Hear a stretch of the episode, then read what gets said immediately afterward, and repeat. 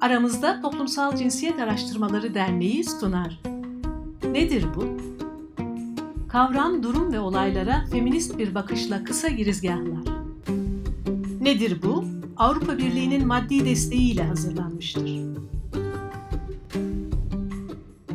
Merhaba, olay, durum ve kavramlara feminist girizgahlar yaptığımız Aramızda Toplumsal Cinsiyet Araştırmaları Derneği'nin podcast serisi Nedir Bunun? Bu bölümünde ele alacağımız kavram son zamanlarda sıkça duyduğumuz mansplaining. Sorularımızı Özlem Şendeniz cevaplayacak. Özlem Şendeniz feminist bir akademisyen. E, o zaman hemen sorularımıza başlayalım. Nedir bu mansplaining Özlem? Mansplaining karakteristik olarak bir erkeğin bir kadına küçümseyici ve veya büyüklük taslayan, yukarıdan bakan bir tavır ile bir şeyleri sürekli açıklaması, açıklamaya çalışmasıdır. Yani kadının konuyla ilgili bilgi sahibi olup olmaması önemsizdir burada. Burada sahnede erkek kadına açıklama yetkisini ve yetkinliğini kendinde erkek olmasından ötürü görmektedir. Peki bu kavramın kökeni nedir? Adını yeni koyduğumuz çok eski bir durumun aslında e, kavramı diyelim buna. Yani adını yeni koyduk bu durumun.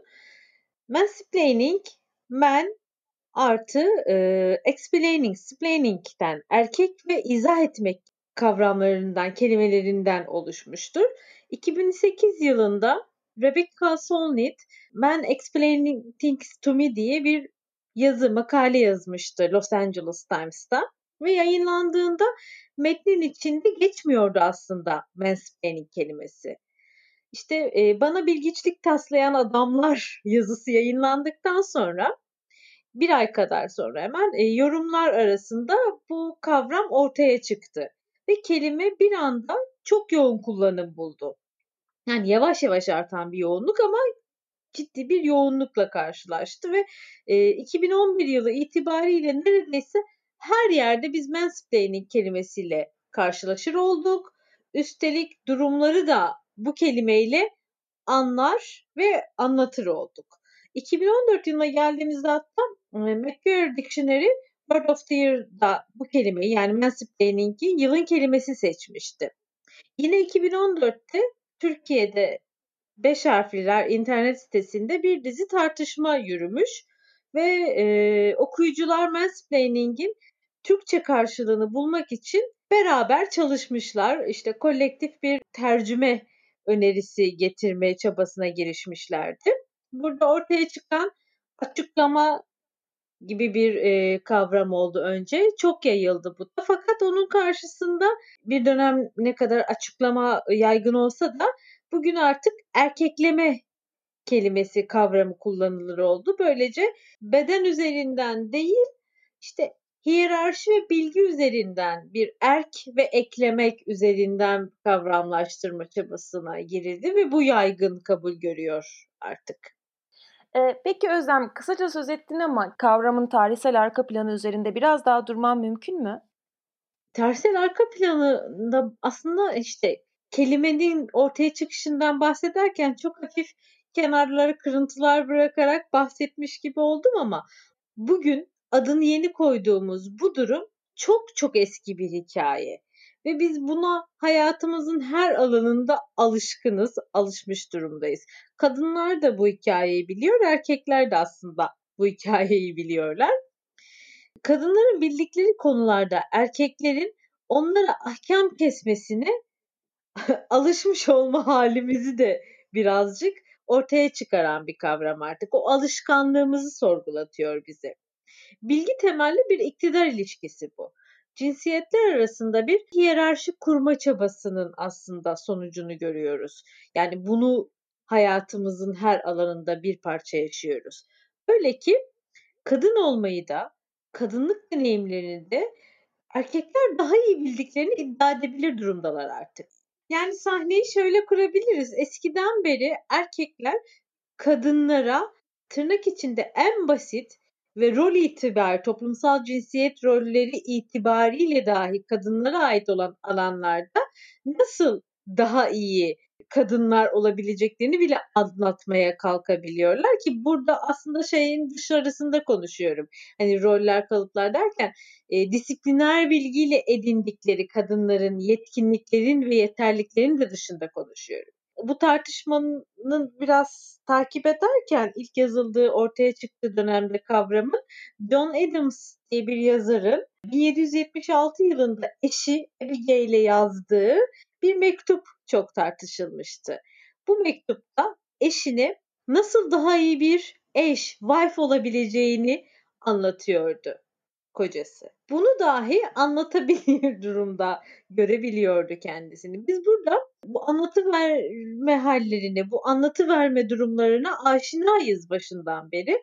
Türkiye'de televizyonlarda işte dört tane erkeğin çıkıp kadınlık sorunlarını kadınlar olmadan kadınlara ve erkeklere bütün topluma izah etmesine de aşinayız sonuçta.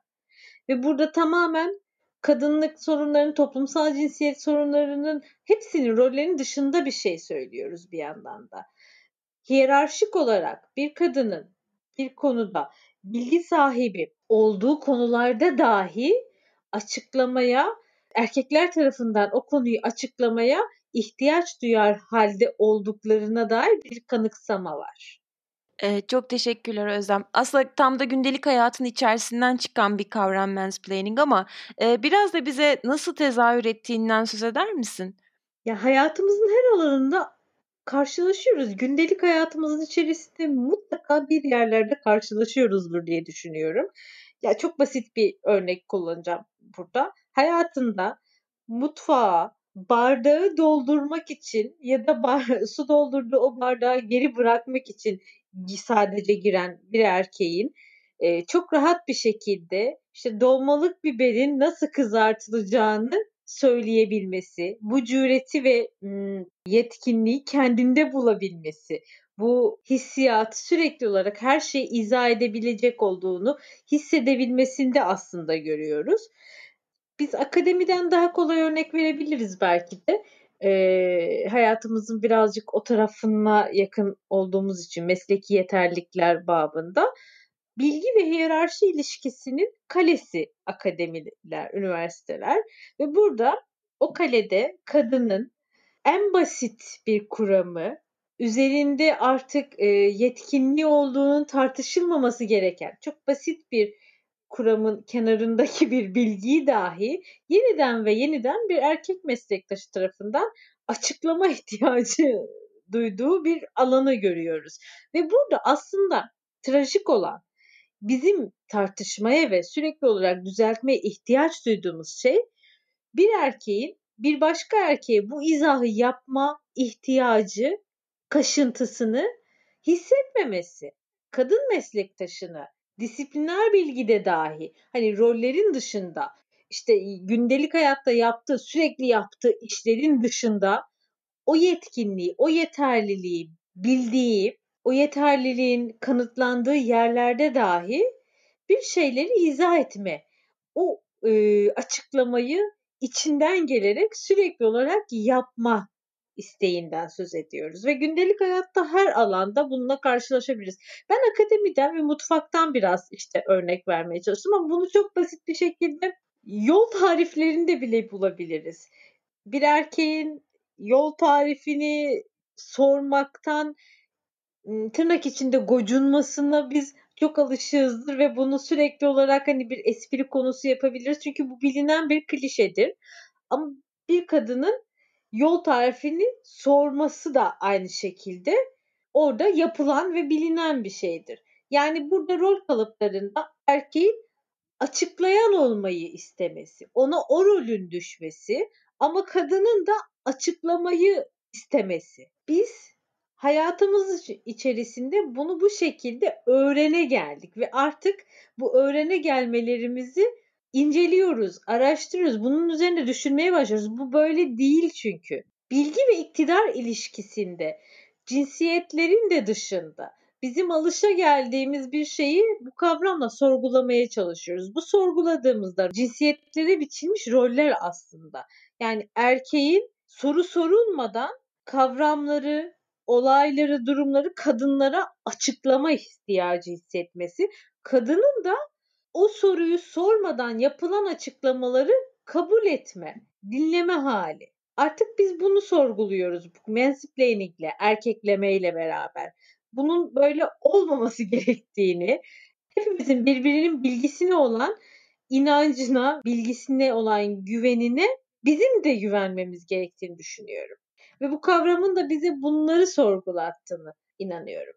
Peki Özlem, son olarak bu son derece işlevsel kavramı cümle içinde kullanmanı rica ediyoruz.